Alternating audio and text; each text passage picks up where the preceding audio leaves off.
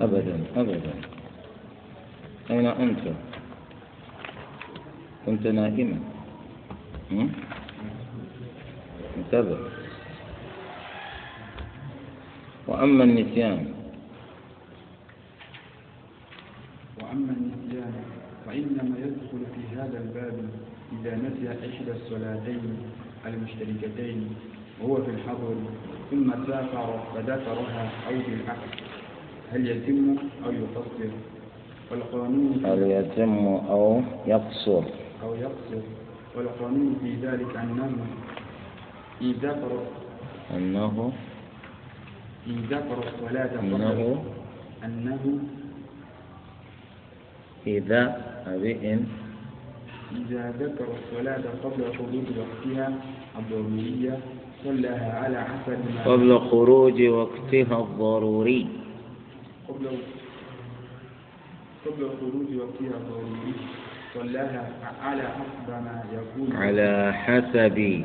على حسب ما يكون وقت الذكر وقت ذكرها من سفر أو حضر على حسب ما يكون. وقت ذكرها. من سفر أو حضر فيقصرها إن ذكرها في السفر. ويتمها إن ذكرها في الحضر. وإن لم يذكرها حتى خرج حتى خرج وقتها ضروري حتى خرج وقتها الضروري لا تقف. حتى خرج وقتها الضروري حتى خرج وقتها الضروري. حتى خرج وقتها الضروري صلاها بحسب ما على صلاها على حسب ما على حسب صلاها على حسب ما كان في وقتها من سفر حضر مثال ذلك. لو نزل على ما كان في وقتها من سفر أو حضر. هكذا عندك؟ من حضر أو سفر. تقديم وتأخير. مهم. ومثال ذلك. لو نسي الظهر والعصر في الحضر ثم سافر فذكرهما في السفر قبل الغروب لثلاث ركعات قصرهما قصرها قصرها وإن أدرك ركعتين أو ركعات أتم الظهر فقص- فقصر العصر. وإن ذكرهما بعد الغروب أتمهما.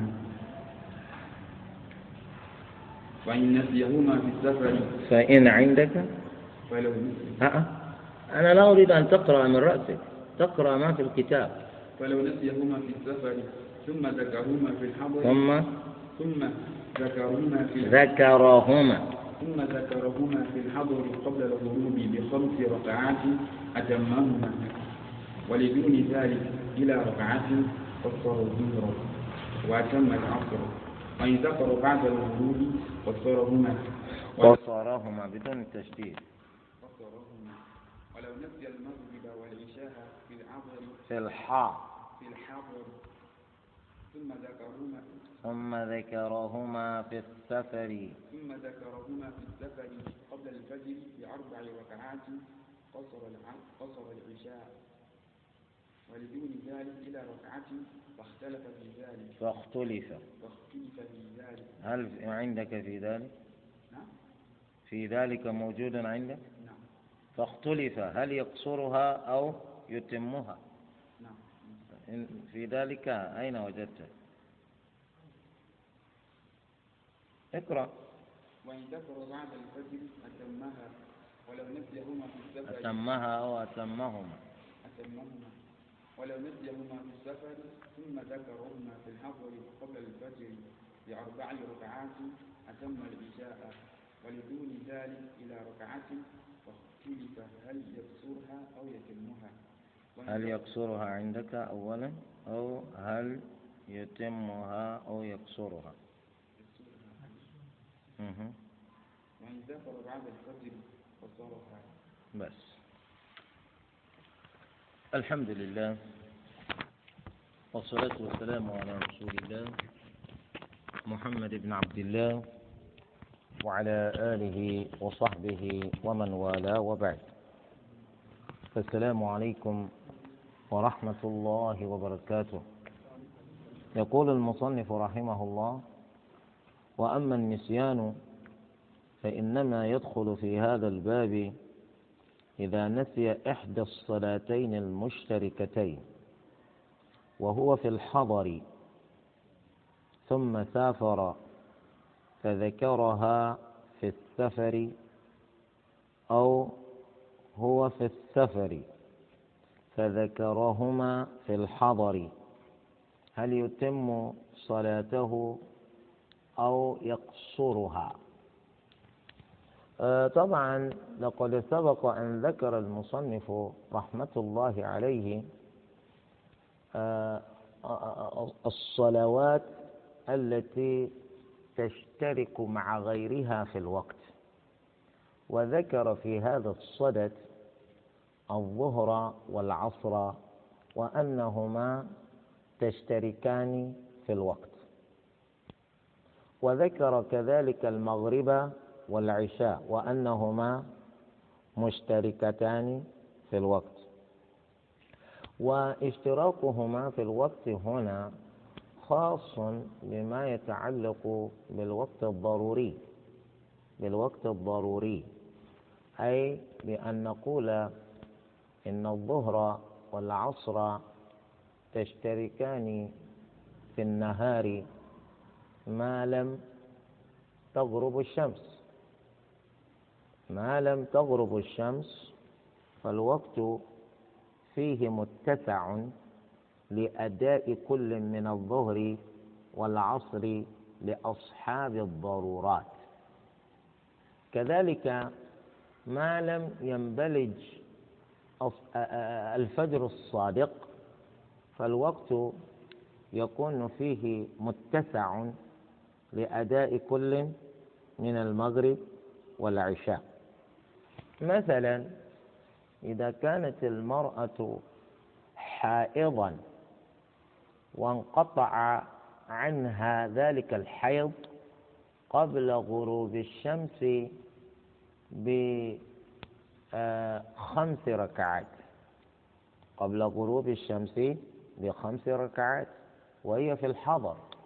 نقول إنها يجب عليها أن تصلي الظهر والعصر جميعا لماذا؟ لأن الوقت يسع الظهر بأكملها كما يسع ركعة من العصر والحديث يقول من أدرك ركعة من الصلاة من أدرك ركعة من العصر قبل أن تغرب الشمس فقد أدرك العصر. فهمتم؟ إذا هو أدرك الظهر بتمامها وأدرك ركعة من العصر معنى ذلك. وإن وإن انقطع دم الحيض عن المرأة في مثل هذا الوقت إلا أننا نكلمها بأنها تصلي كلا من الظهر والعصر. لكنها لو كان انقطاع دم حيضها إنما وقع في الوقت الذي لا يسع إلا لثلاث ركعات قبل غروب الشمس. ثلاث ركعات قبل غروب الشمس. ومعلوم أن كلا من الظهر والعصر لها أربع ركعات. إذا هذا الإنسان أو هذه المرأة ليس باستطاعتها والحال هذه إلا أن تصلي الصلاة الواحدة فقط. وهي هنا العصر. لأن الوقت يسع لثلاث ركعات فقط. والعصر أربع ركعات. والظهر أربع ركعات. إذا الوقت لا يسع إلا لإيقاع إلا لإيقاع صلاة العصر فقط. فإننا نكلمها بأن تأتي بالعصر فقط. إذا هذا هو الاشتراك الذي يشير إليه المؤلف. وهذا الكلام يقال بمثله فيما يتعلق بالمغرب والعشاء. لو كان انقطاع الحيض قبل طلوع الفجر بخمس ركعات. فالمرأة هذه تصلي كلا من المغرب والعشاء لأن المغرب ثلاث ركعات وبقي الوقت لركعتين. الوقت الذي توقع فيه الركعتين هو خاص بصلاة العشاء. فتكون المرأة في الحقيقة قد أدركت ركعتين من صلاة العشاء قبل طلوع الفجر فتكون قد أدركت صلاة العشاء. فهمتم؟ أما لو كان الوقت هذا لا يسع إلا لثلاث ركعات. الوقت هذا لا يسع إلا لثلاث ركعات. أي الصلاتين تصلي المرأة؟ تصلي العشاء فقط. كذلك لو كان الوقت لا يسع إلا لأربع ركعات كذلك تصلي العشاء فقط. أما المغرب فلا. وهكذا لو كانت مسافرة لو كانت مسافرة وانقطع عنها الحيض في حال سفرها بقدر ما يصلي الإنسان أربع ركعات فقط. نقول تلزمها الظهر والعصر جميعا. لماذا؟ لأنها وهي مسافرة إنما تقصر الصلاة. والقصر يقضي لأنها تؤدي الصلوات التي هي ذوات أربع ركعات ركعتين ركعتين. والوقت لا يسع إلا لأربع ركعات. فمعنى ذلك هي تصلي الظهر في الوقت كما تصلي العصر في الوقت. أرأيت لو كان الوقت لا يسع إلا لثلاث ركعات فقط أيضا تصلي وهي مسافرة تصلي أيضا الظهر والعصر جميعا لأنها تكون والحال هذه مدركة لركعة من العصر قبل غروب الشمس فتكون مدركة. أما إذا كان الوقت لا يسع قبل غروب الشمس إلا لإيقاع ركعتين فقط ماذا تصلي؟ تصلي العصر فقط. تصلي العصر فقط. كذلك إذا كان الوقت هذا لا يسع إلا لركعة واحدة قبل غروب الشمس. أها ماذا تصلي؟ تصلي العصر فقط. تصلي العصر فقط. آه، لو كان ذلك بليل بحيث إن الوقت وهي مسافرة طبعا بحيث إن الوقت لا يسع إلا لثلاث ركعات فقط. ماذا تصلي؟ الوقت لا يسع إلا لثلاث ركعات فقط وهي مسافرة. تصلي؟ تصلي العشاء فقط وهي مسافرة إنما تصلي ركعتين.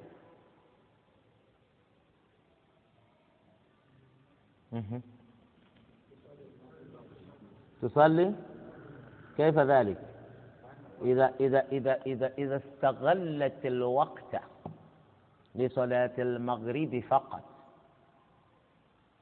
لا يبقى شيء لها من الوقت لتوقع فيه صلاة العشاء. فكر في فقهك. ماذا تصلي؟ تصلي العشاء فقط. تصلي العشاء فقط. والعشاء والحال هذه تصليها ركعتين فقط. تصليها ركعتين فقط. إذا كان الوقت لا يسع إلا لركعتين فقط ماذا تصلي؟ إذا كان الوقت لا يسع إلا لثلاث ركعات قلنا إنها تصلي العشاء فقط وهي مسافرة. كيف إذا كان الوقت لا يسع إلا لركعتين؟ صلي العشاء قولا واحدا. كذلك إذا كان الوقت لا يسع إلا لركعة واحدة ماذا تصلي؟ تصلي العشاء فقط. أها. الوقت هذا لا يسع إلا للقيام قبل الركوع.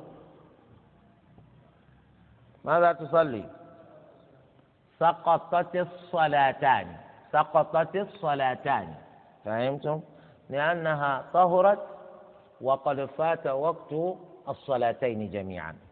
فهمتم؟ هذا الذي يحاول الشيخ بيانه بهذا الكلام كله. إذا كان هذا الكلام الذي قلته مفهوما صحيحا فهما صحيحا لا حاجة إلى قراءته. فهمتم؟ هذا الذي قلته هو خلاصة ما يريد أن يقوله. اقرأ ما بعده. فروع ثلاثة. فروع ثلاثة الأول إنما الفرع الأول هو ما قال الأول. ما عندك الفرع الأول؟ الفرع الأول إنما تدرك الصلاة. إنما تدرك. إنما تدرك الصلاة بإدراك ركعة بسجدتيه بسجدتيها. سجدتيها وقال أشهر بإدراك الركوع خاصة. وقال الشافعي وأبو حنيفة بإدراك تكبيرة الإحرام. الفرق الثاني يعتبر إدراك أصحاب الأعذار بعد زوال الأعذار وفيه الطهارة. وقال ابن القاسم لا تعتبر الطهارة في الكافر الفرق الثالث لا تؤخر الصلاة إلى وقت ضرورة. ومن فعل ذلك من غير ذوي الأعذار فهو آثم. واختلف هل هو مؤذن أو قاضي بس. هذه الفروع من الفروع التي تفرعت عن مسألة الوقت مسألة أوقات الصلاة. الفرع الأول بماذا تدرك الصلاة؟ متى نقول إن فلانا أدرك الصلاة؟ هل الصلاة تدرك بإدراك ركعة بسجدتيها. أي لا نقول إن فلانا أدرك الصلاة حتى يدرك ركعة كاملة بسجدتيها. أما إذا أدرك الركعة إذا أدرك الركعة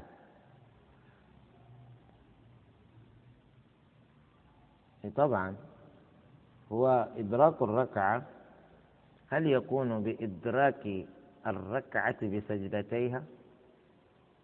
بسجدتيها؟ طبعا كيف تكون مدركا للركعة حتى إذا أدركت الإمام في الركوع؟ إذا أدركت الإمام في الركوع فإنك تكون مدركا لتلك الركعة لإدراكك إياه في الركوع. ولا يمكن للإنسان أن يدرك الإمام في الركوع إلا ويكون معه في السجود. فهمت؟ أها. هنا وقال أشهب بإدراك الركوع خاصة. بإدراك الركوع خاصة. أنا لا أتصور كيف يدرك الإنسان الصلاة بالركوع فقط بدون السجدتين. فهمتم هذا؟ هل يمكن للإنسان أن يدرك الركعة بدون أن يدرك أن يدرك الركوع دون أن يدرك السجود. السجود عندكم يأتي قبل الركوع ولا السجود؟ ولا الركوع يأتي قبل السجود. إذا اقرأ كلامه من جديد. إنما تدرك الصلاة. إذا ماذا يقصد؟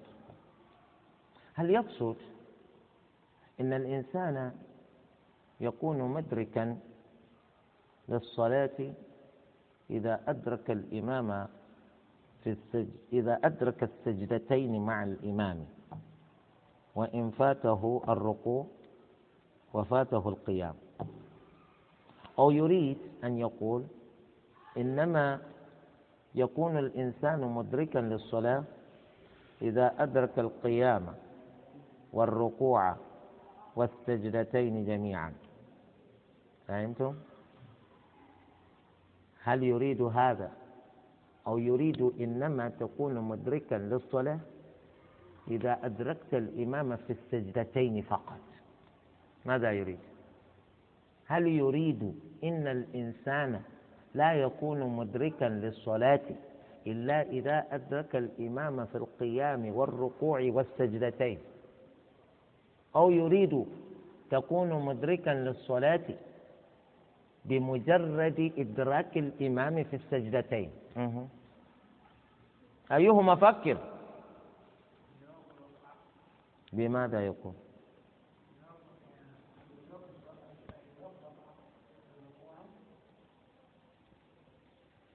ما فهمت معكم ما هو الثاني هذا؟ تكلم. نعم. يعني من أتى بعد رفع الإمام رأسه من الركوع.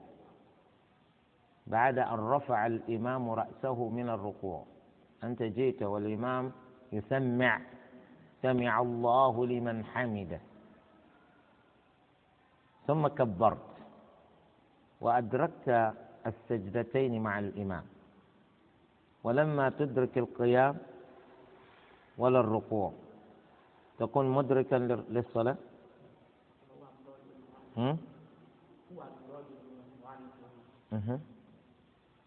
يقول إنما تدرك الصلاة. إنما تدرك الصلاة بإدراك ركعة. بسجدتيهما. بسجدتيها. نعم ماذا يريد؟ أي لا يكون الإنسان أولا هذا بالاتفاق هذا يقول له تحرير لمحل النزاع. اتفق العلماء على أن الإنسان يكون مدركا للصلاة إذا أدرك الركعة. من أدرك ركعة من الصلاة فقد أدرك الصلاة. واختلفوا في ماذا يكون الإنسان به مدركا للركعة. فهمتم؟ اتفقوا على أن المصلي المأموم لا يكون مدركا يكون مدركا للصلاة إذا أدرك ركعة من الصلاة واختلفوا في ماذا يكون به الإدراك للركعة هل يكون إدراكك للركعة قياما وركوعا. وسجدتين. أو يكفي قيام أو يكفي ركوعا وسجدتين. بدون القيام.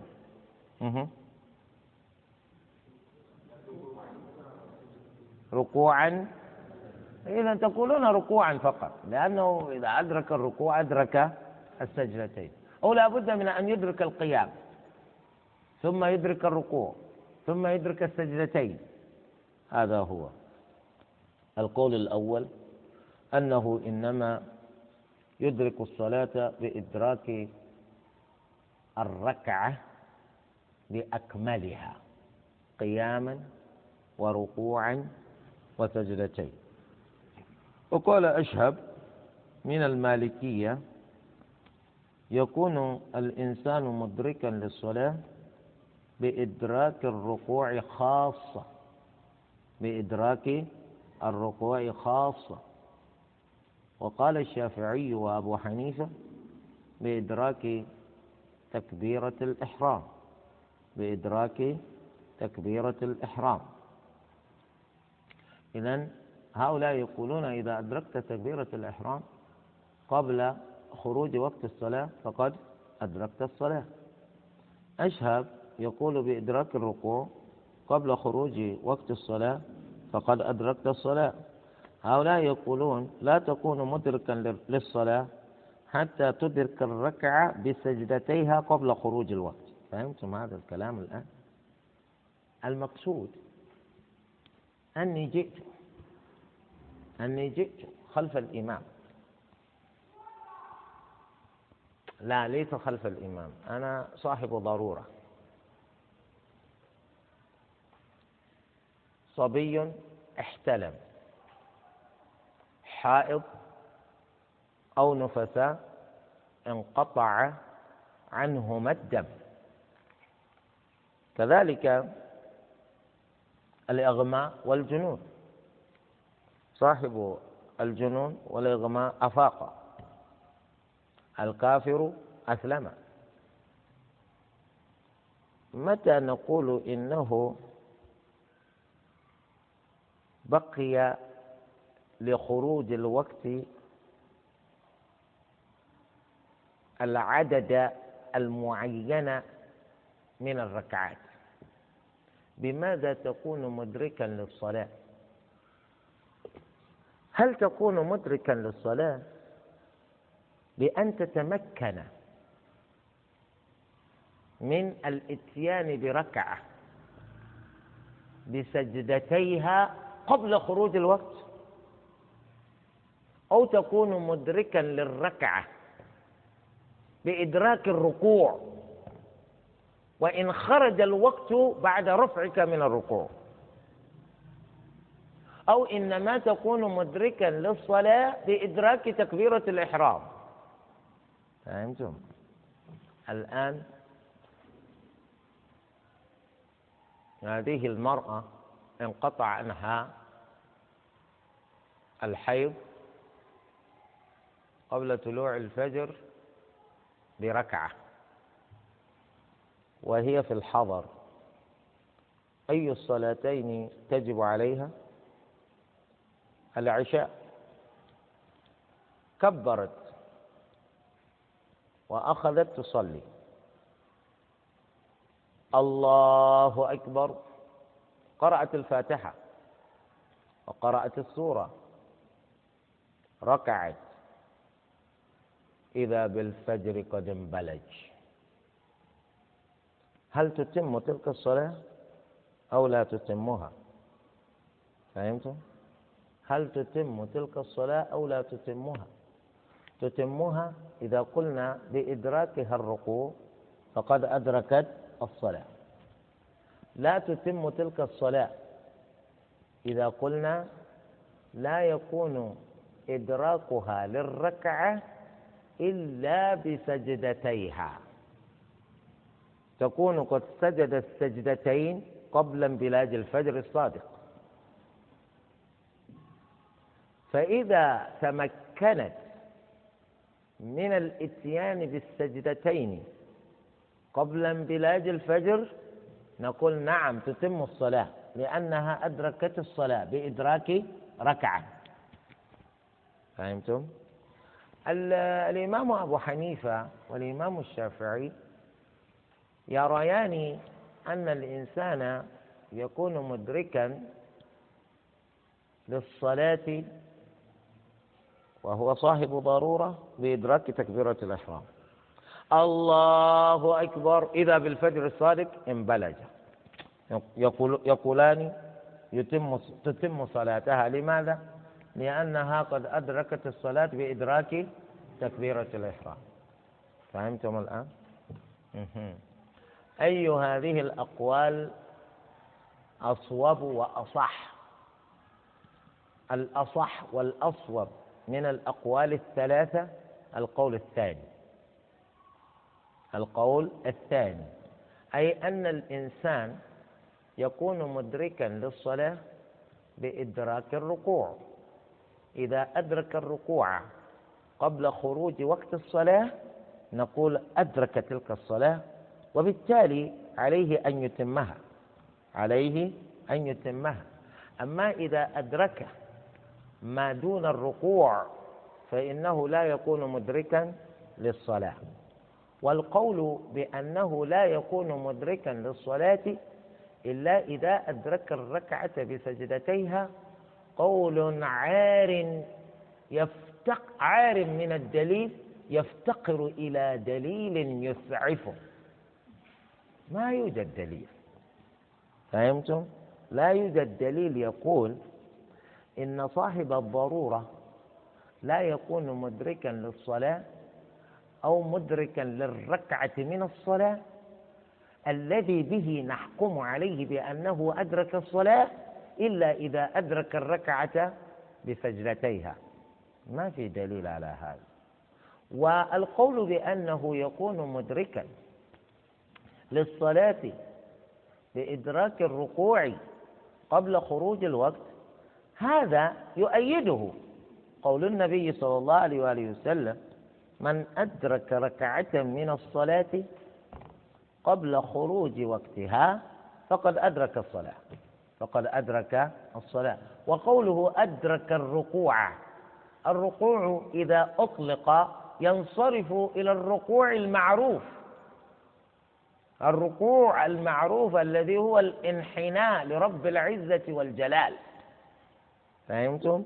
ليس معناه من أدرك آه من أدرك الركعة بكاملها لأن العلماء فسروا الركوع هنا الركعة هنا من أدرك ركعة من الصلاة قبل خروج وقتها فقد أدرك الصلاة فسروا الركعة هنا بالركوع لورود روايات أخرى مفسرة فهمتم؟ إذا هذا المقصود اتفقوا على أن الإنسان يكون مدركا للصلاة قبل خروج وقتها بإدراك ركعة. واختلفوا في بماذا يكون الإنسان مدركا للركعة. اختلفوا فيما يكون الإنسان به مدركا للركعة. فقيل لا يكون مدركا للركعة إلا إذا أدركها بسجدتيها قبل خروج الوقت. وقيل لا بل يكون مدركا لها بإدراك الركوع فقط. وقيل بل يكون مدركا لها بإدراك تكبيرة الإحرام. فهمتم؟ هذا هو والصواب. قلنا القول الثاني.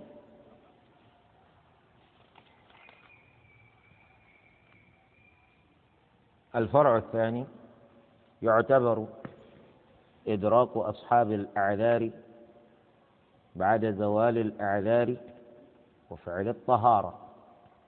إذا الآن من أصحاب الأعذار حائض نفساء. كل واحدة منهما إذا انقطع عنها الدم احتاجت إلى الطهارة. احتاجت إلى الطهارة. إذا لا نقول إنها أدركت الصلاة إلا بعد أن تطهر. بعد أن تتطهر.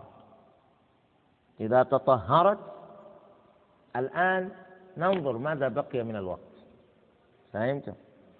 المرأة هذه كانت حائضة. انقطع دم الحيض. ذهبت فاغتسلت. بعد اغتسالها ننظر الفرجة التي بين انتهائها من الغسل وخروج الوقت. لا نقيس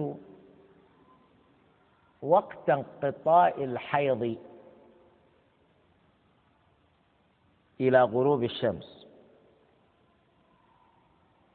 من غير اعتبار الوقت الذي تحتاج إليه للاغتسال كما قلنا سابقا فهو خطأ. الصواب أن القياس يكون بعد غسلها. انقطع دم الحيض واغتسلت. الآن ماذا بقي من الوقت لخروج الوقت؟ لكن بشرط أن تتقي ربها. إذا انقطع دم الحيض فإنها تبادر إلى الغسل. لا تتوانى في ذلك. اغتسلت الآن ننظر ماذا بقي من الوقت لخروج وقت الصلاة. بقي قدر كم ركعة؟ فهمتم؟ القياس يكون بعد الغسل لا قبل الغسل بعد الطهارة لا قبل الطهارة. المجنون إذا أفاق هل يحتاج إلى الطهارة؟ هل يحتاج إلى طهارة؟ نعم. لماذا يتطهر؟ هو جنب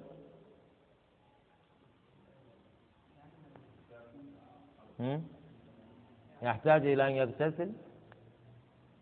مجنون إذا أفاق يغتسل؟ بأي دليل؟ هذا من الاغتسالات المصنونة في الإسلام؟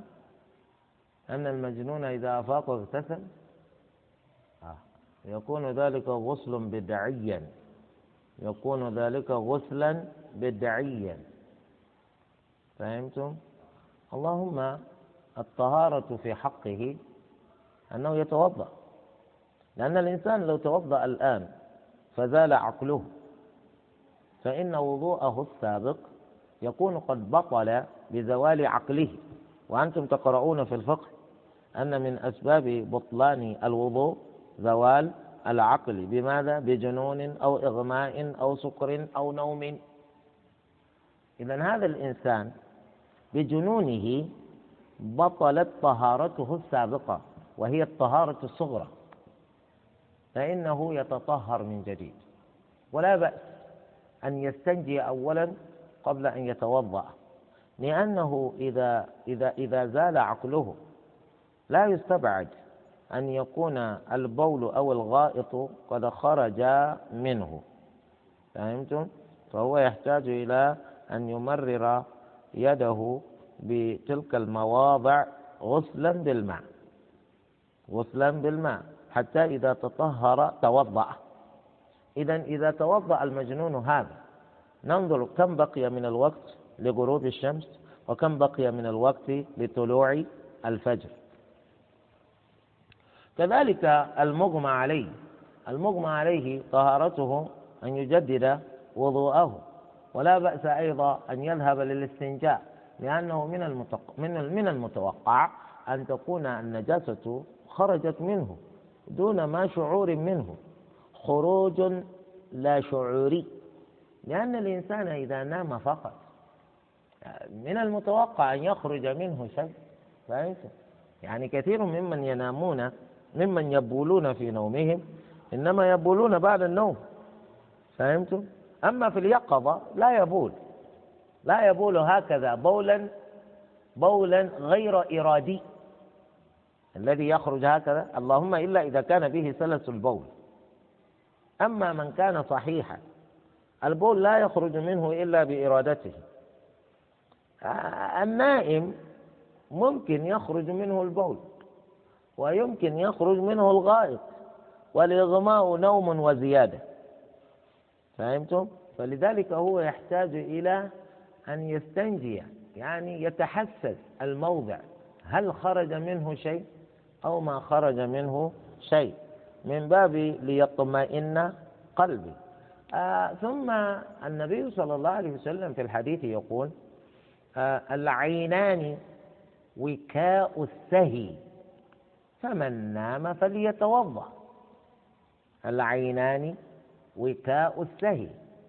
يعني العينان هما الحبل الذي يربط الفتحة التي تخرج الريح والغائط منها.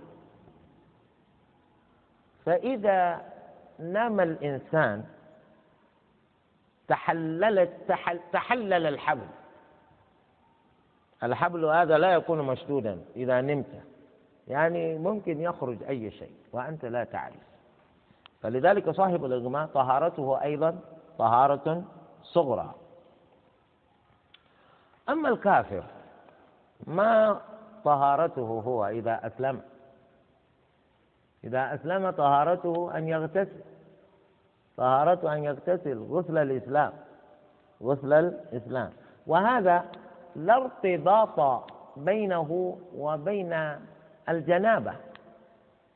لا لا وجود لارتباط بين غسل الإسلام والجنابة. يعني الذي أسلم هذا سواء كان محتلما أو غير محتلم فإنه يحتاج إلى أن يغتسل غسل الإسلام. فهمتم؟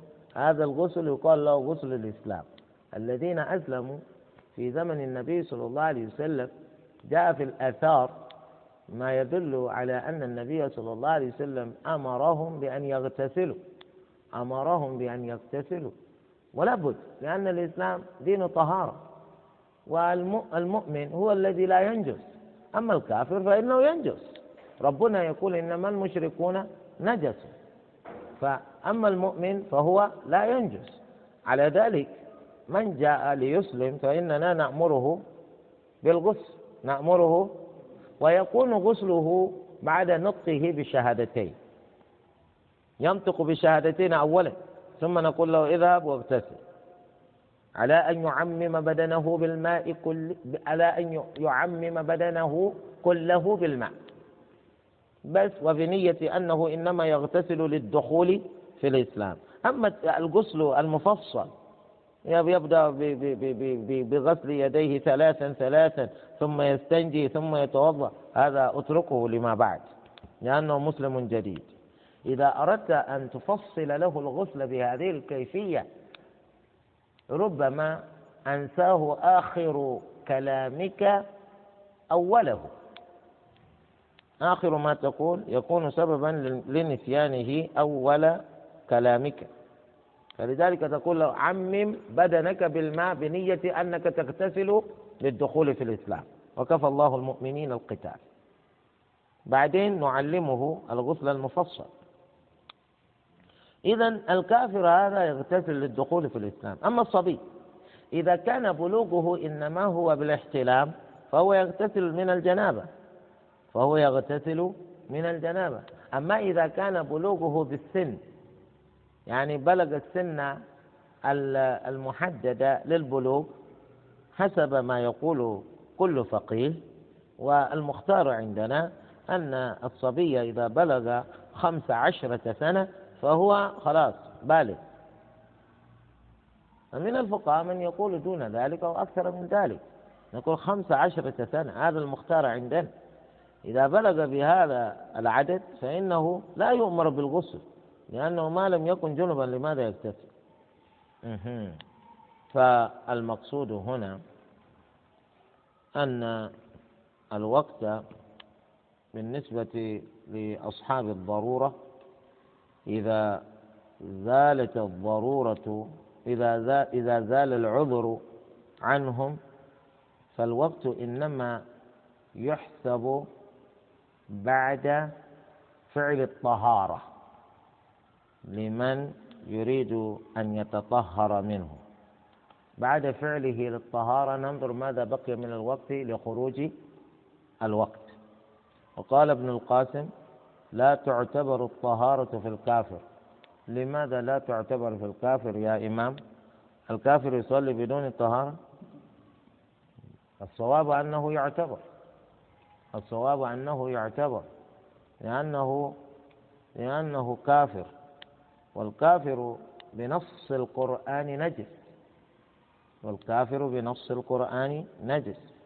والنجاسة في حق الكافر نجاسة معنوية ليست حسية معنوية. لكن مع ذلك فإننا نأمره بالغسل حتى ينتقل بذلك الغسل من درجة النجاسة إلى درجة الطهارة.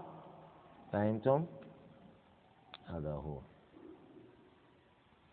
وقال ابن القاسم وابن القاسم هذا معروف.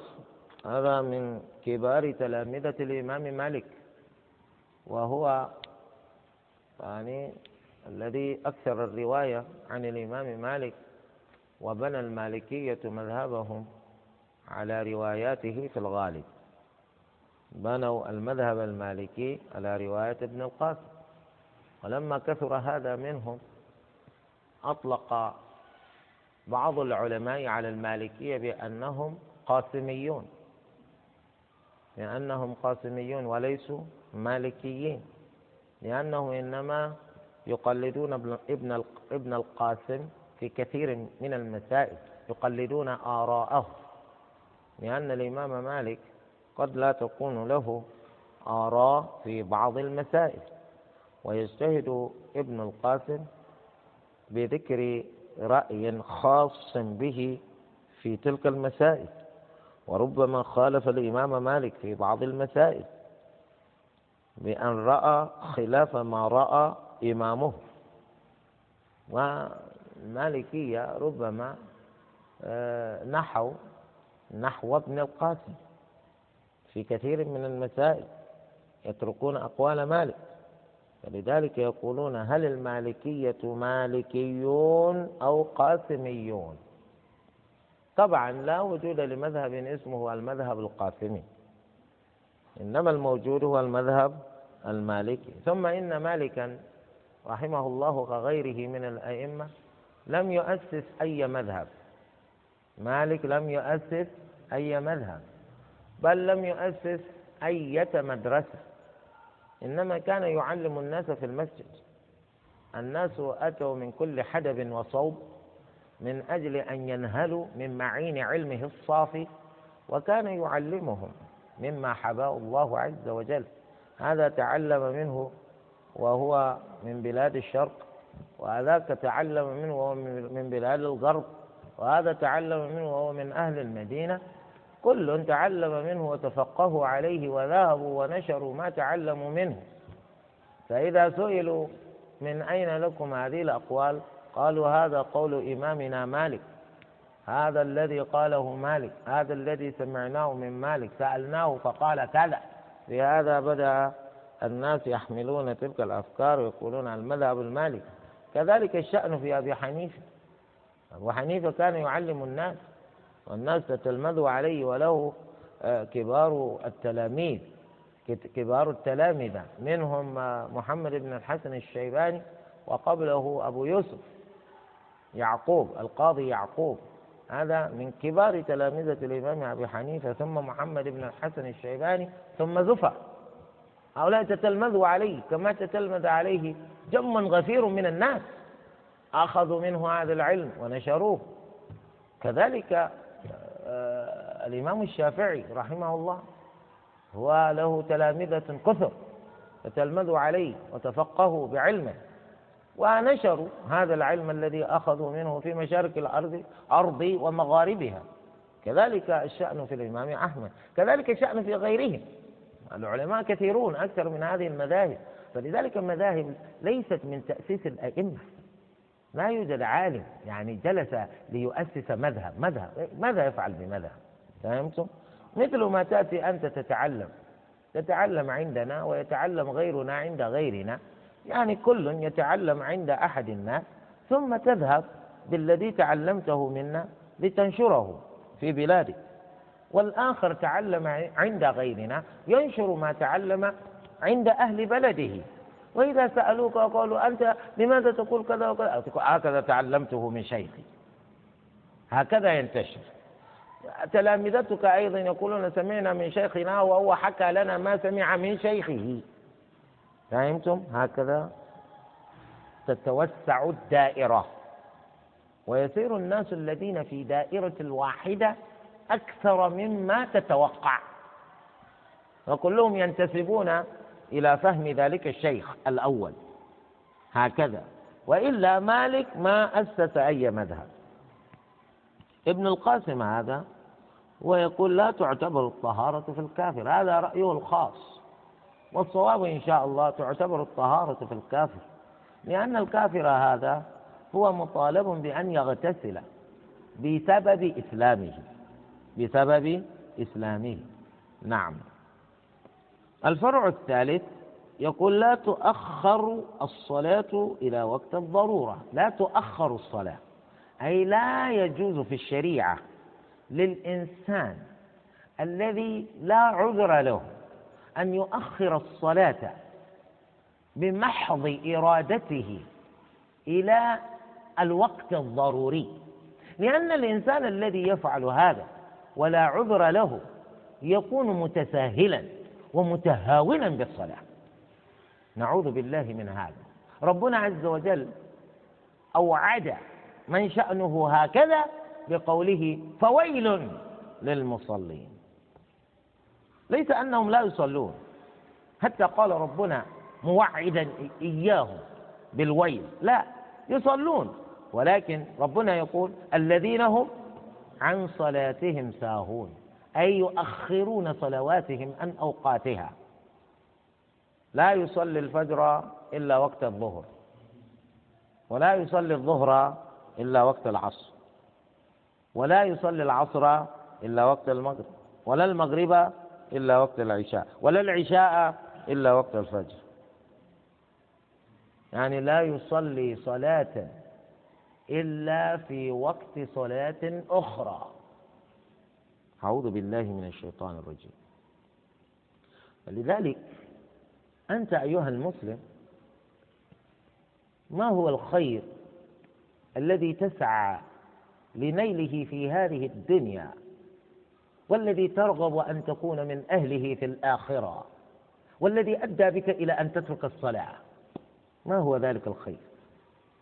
يا أخي إذا تركت الصلاة وتركت عبادة الله عز وجل فإن عيشك يكون لا طيب فيه. والله. لأن الإنسان الذي لا يعبد الله لا يج... لا تجد السعادة إليه سبيلا. إنما الإنسان يجد الراحة وتطمئن نفسه بعبادة رب العزة والجلال. ألا بذكر الله تطمئن القلوب؟ والمقصود بذكر الله هنا العبادة الصلاة. وغير الصلاة. وأنت لا تعبد الله وتقول لا تجد طمأنينة ولا راحة. أين أين تجد الطمأنينة والراحة إلى إلى قلبك سبيلا؟ أبدا. ولهذا أنتم تجدون الأغنياء من الناس الذين ابتعدوا عن عبادة الله أنهم يعيشون عياة ضنكا في الدنيا. وهم في عيش مليء بالنكد. لا يجدون سرورا. لا يجدون سرورا. ولذلك هو إذا رآك وأنت مسكين وأنك فرحان يقول ما الذي يفرحك؟ لا مال عندك وأنت تفرح. هل تبيعني فرحك؟ لتأخذ مالي؟ لأنه لا يعبد الله. والذي لا يعبد الله لا يجد راحة في باله ولا طمأنينة في قلبه ولا طيبا في عيشه. نسأل الله السلامة. ولهذا يقول النبي صلى الله عليه وآله وسلم إذا دخل وقت الصلاة يقول صلوات ربي وسلامه عليه مخاطبا بلالا أرحنا بالصلاة أرحنا بها أرحنا بها أي أرحنا بالصلاة. أي أذن بالصلاة حتى نجد الراحة بالصلاة. الناس اليوم لسان حالهم ومقالهم يقول أرحنا عن الصلاة. لماذا أنتم تؤذوننا بهذه الأصوات؟ أذان أذان أذان. فهمتم؟ هو يقول أرحنا عن الصلاة. لا نريد الصلاة. شوف اللغة العربية أرحنا ب هذا يريد. أرحنا عن هذا لا يريد. فهمتم؟ أحا. هذا يرغب في الصلاة وهذا يرهب عن الصلاة. نسأل الله السلام. فلا يجوز لك أن تؤخر الصلاة إلى وقت الضرورة. وينبغي للإنسان إذا تزوج أن ينتبه لعبادات زوجته. لأن النساء أكثر الناس تأخيرا للصلوات. أكثر الناس تأخيرا للصلوات. فإنها ربما تتذرع بانشغالها بالقيام بالأعمال المنزلية. ومن أجل انشغالها بأعمال البيت ربما تهمل العبادات. وكثير منهن ربما أهملت الصلاة إلى حد الترك. إلى حد الترك. وأكثرهن يهملن الصلاة إلى حد التأخير. فهمتم؟ فرق بين من تهمل الصلاة وتؤخرها لكنها تصليها. أما هذه تهمل الصلاة إلى حد الترك. لا تصلي. مثل ما يقول أحد الأزواج حكاية عن تصرفات زوجاته المطلقة المطلقة منه ثلاثة وطلقها ثلاثا ليس مرة واحدة ثلاثة بالتسلسل. وهي تقول أريد منكم أن تصلحوا بيننا حتى أعود إلى عصمته. كيف تعودين إلى عصمته؟ وربنا يقول الطلاق مرتان فإمساك بمعروف أو تسريح بإحسان. ثم ربنا أيضا يقول فإن طلقها فلا تحل له من بعد حتى تنكح زوجا غيره. بعد الثلاث خلاص. هي تقول أريد أن تصلحوا بيننا. صلحوا. أي صلح؟ أي صلح هذا؟ الرجل يقول إن من أكبر الأسباب التي من أجلها طلقها أنها لا تستطيع أن تثبت أنها حين كانت في عصمتي ولم تكن حائضا صلت لثلاثة أيام متتاليات قط. ليست حائضا. طيلة مكثها عنده وقد مكثت عنده حتى ولدت يعني قرابة أربعة أولاد. لا تستطيع أن تثبت أنها صلت لله قط ثلاثة أيام متتاليات.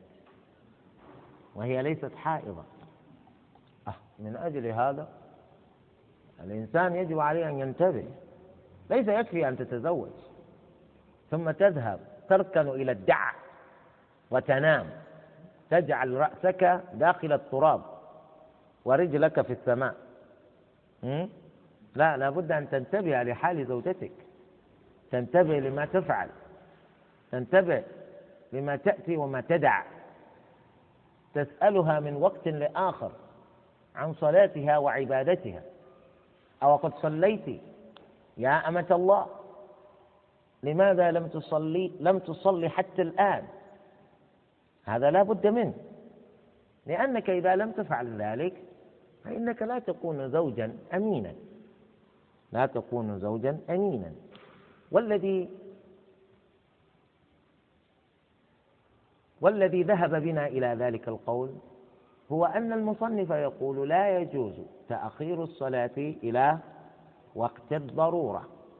لا يجوز تأخير الصلاة إلى وقت الضرورة. ما لم تكن صاحب عذر ما لم تكن صاحب عذر. والأعذار معروفة وهي الحيض والنفاس والجنون والإغماء والكفر والصبا والنسيان.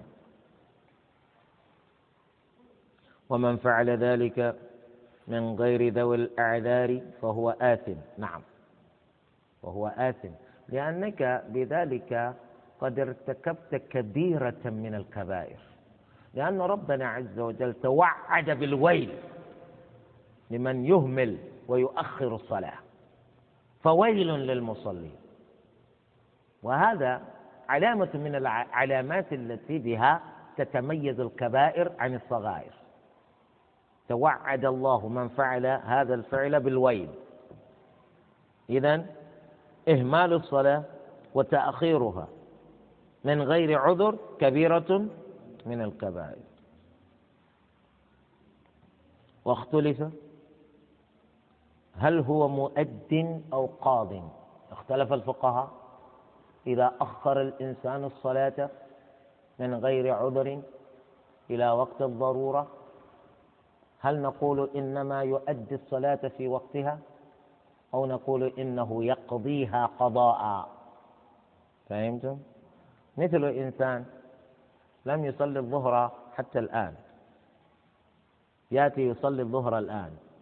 لماذا يا عبد الله ما صليت الظهر إلا وقت اصفرار الشمس؟ يقول الشغل. إذا صلاها هل نقول إنما صلاها في وقتها؟ أو إن فهو مؤد لها أو نقول إنما يقضيها قضاء لأن وقتها قد خرجت قد خرج أي وقتها الاختياري قد خرج في حقه لأنه ليس من أصحاب الأعذار خلاف بين الفقهاء. الصواب إن شاء الله أنه لا يكون قاضيا لتلك الصلاة إنما يصليها في وقتها ولكنه آثم. وبفعله هذا قد ارتكب كبيرة من الكبائر. هذا هو الصواب إن شاء الله. لأننا لا نستطيع أن نقول للذي يصلي الظهر الآن إنما يقضيها لأن الشمس لا زالت موجودة. لا زالت موجودة. وهو وإن لم وإن لم يكن له عذر إلا أنه آثم. ولذلك قلنا آثم. قلنا له آثم وتوعده الله عز وجل بالويل. لا يصلي الظهر إلا وقت العصر ولا يصلي العصر إلا وقت المغرب. فهمتم؟ أخا هذا هو. مثل الذي يصلي ولم يبقى يصلي الظهر ولم يبقى لغروب الشمس إلا قدر أربع ركعات. إذا متى صلى الظهر؟ صلى الظهر في آخر وقت العصر. الآن متى يصلي العصر؟ لا شك يصلي العصر في وقت المغرب. ثم لما أراد أن يباشر صلاة المغرب انتقض وضوءه فذهب يجدد الوضوء فأذنوا للعشاء. إذا متى يصلي المغرب؟ يصلي المغرب في وقت العشاء. هو قبل أن يصلي العشاء أخذه النوم فانغمس في النوم. ولم يستيقظ إلا الصلاة خير من النوم. إذا متى يصلي العشاء؟ يصلي العشاء وقت الفجر. فهمت فويل للمصلي. إذا كان عذره النوم مقبول لكن هذا دأبه. دأبه أنه لا يصلي صلاة إلا في وقت صلاة أخرى. نسأل الله السلامة. إذا نكتفي بهذا القدر. نسأل الله عز وجل أن يعلمنا ما جهلنا وأن يبارك لنا فيما علمنا وأن يزيدنا علما. سبحانك اللهم وبحمدك أشهد أن لا إله إلا أنت أستغفرك وأتوب إليك. عليكم السلام.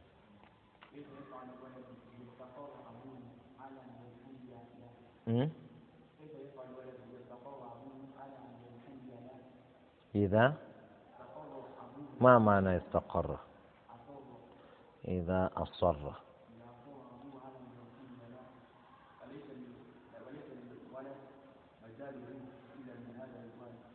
هذا أجاب عنه ابن تيمية رحمه الله كما في كتابنا إيضاح البينة.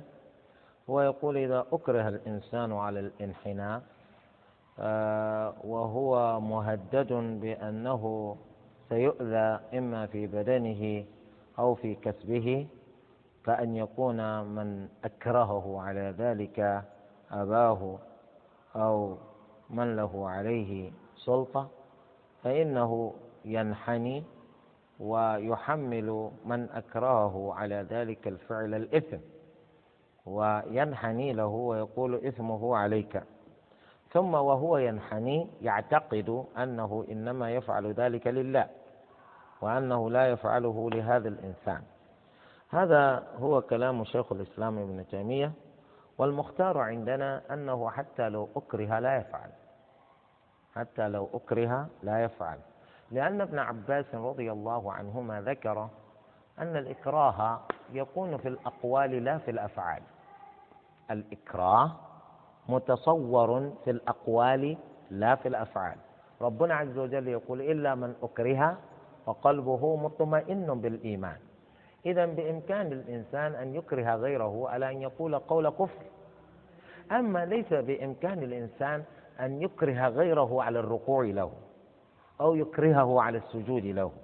لأن الإكراه هذا لا يمكن أن يكون ملجئا. لأنك لا يمكنك أن تركع لغيرك إلا وقد أردت ذلك. إن لم تفعل ذلك فسأفعل فسأفعل. فهمت؟ قوله هذا لا يركعك إنما تركع له وتنحني له بإرادتك أنت. إذا الإكراه هذا غير ملجئ. والإكراه الذي يؤثر في الشريعة هو الإكراه الملجئ. فهمتم؟ هنا لا وجود لذلك فلذلك أنت لا تفعل. تبين له. أنت تلين له وتبين له بقولك اللين لعله لعله يتذكر أو يخشى. وتبين له لولا أن الله نهى عن ذلك لفعلته لك. ولكن تعارض أمرك ونهي ربي فنهي ربي مقدم على أمرك يا أبي. نهي ربي مقدم على أمرك يا أبي. فهمت؟ هذا هو. عليكم السلام.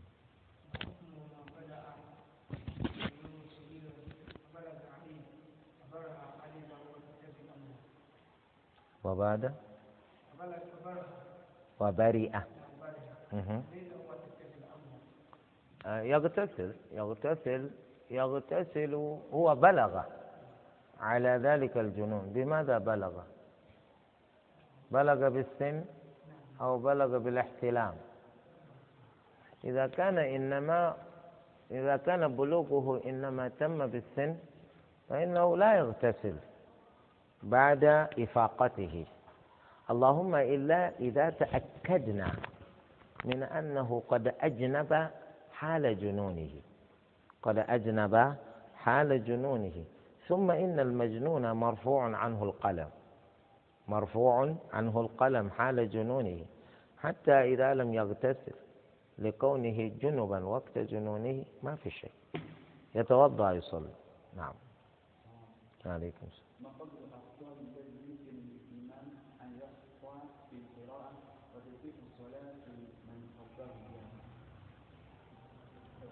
أي نوع من الخطأ؟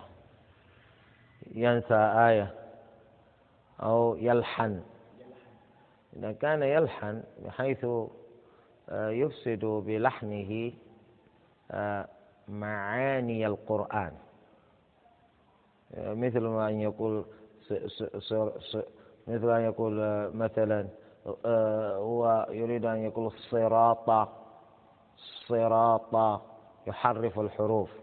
فيقول الضيراطة الضي الضاد لا لأن القراءة الموجودة هو الضيراطة الضي الضي فيه ضي وفيه ثي ويقول الضيراطة الذين أنعمت عليهم. أنا من أنت؟ حتى تقول أنا. فهمت؟ مثل هذا لا أنت تعيد الصلاة. أنعمت من أنت؟ أنعمت عليهم. مثل أمثال هؤلاء في الحقيقة ينبغي أن يبعدوا عن مناصب الإمامة. ينبغي أن يبعدوا عن مناصب الإمامة. والإشكال في أفريقيا هنا أن كثيرا من الناس لم يتعلموا التعليم الصحيح ويريدون أن يتبوأوا المنازل الدينية يريدون أن يتصدروا المجالس ويكونوا هم الذين آه يقودون الناس في أمور الدين. وللأسف الشديد كثير منهم يدعم بقاءه في ذلك المنصب بتعاطي السحر. يعني للأسف الشديد. لأنك إذا قلت لبعض الأئمة إنك لا تجيد قراءة الفاتحة وبالتالي فإنك لا تصلح للإمامة ربما أوعدك بأنك تموت بعد سبعين لأنه ساحر. يقول يعني أنا أمهلك سبعة أيام. ستموت. إذا هذا ضعيف. سبعة أيام طويلة. فهمتم؟ أمته الآن. أمته, أمته الآن يا جبان. أنت ضعيف ما عندك شيء فهمتم؟ وإذا وإذا كان أمثال هؤلاء هم الذين يؤمون الناس لا شك يفسدون الدين. هذا ساحر. هذا ساحر يؤم الناس في المسجد. كان من المفترض أن يكون في مجمع السحرة والقهانة.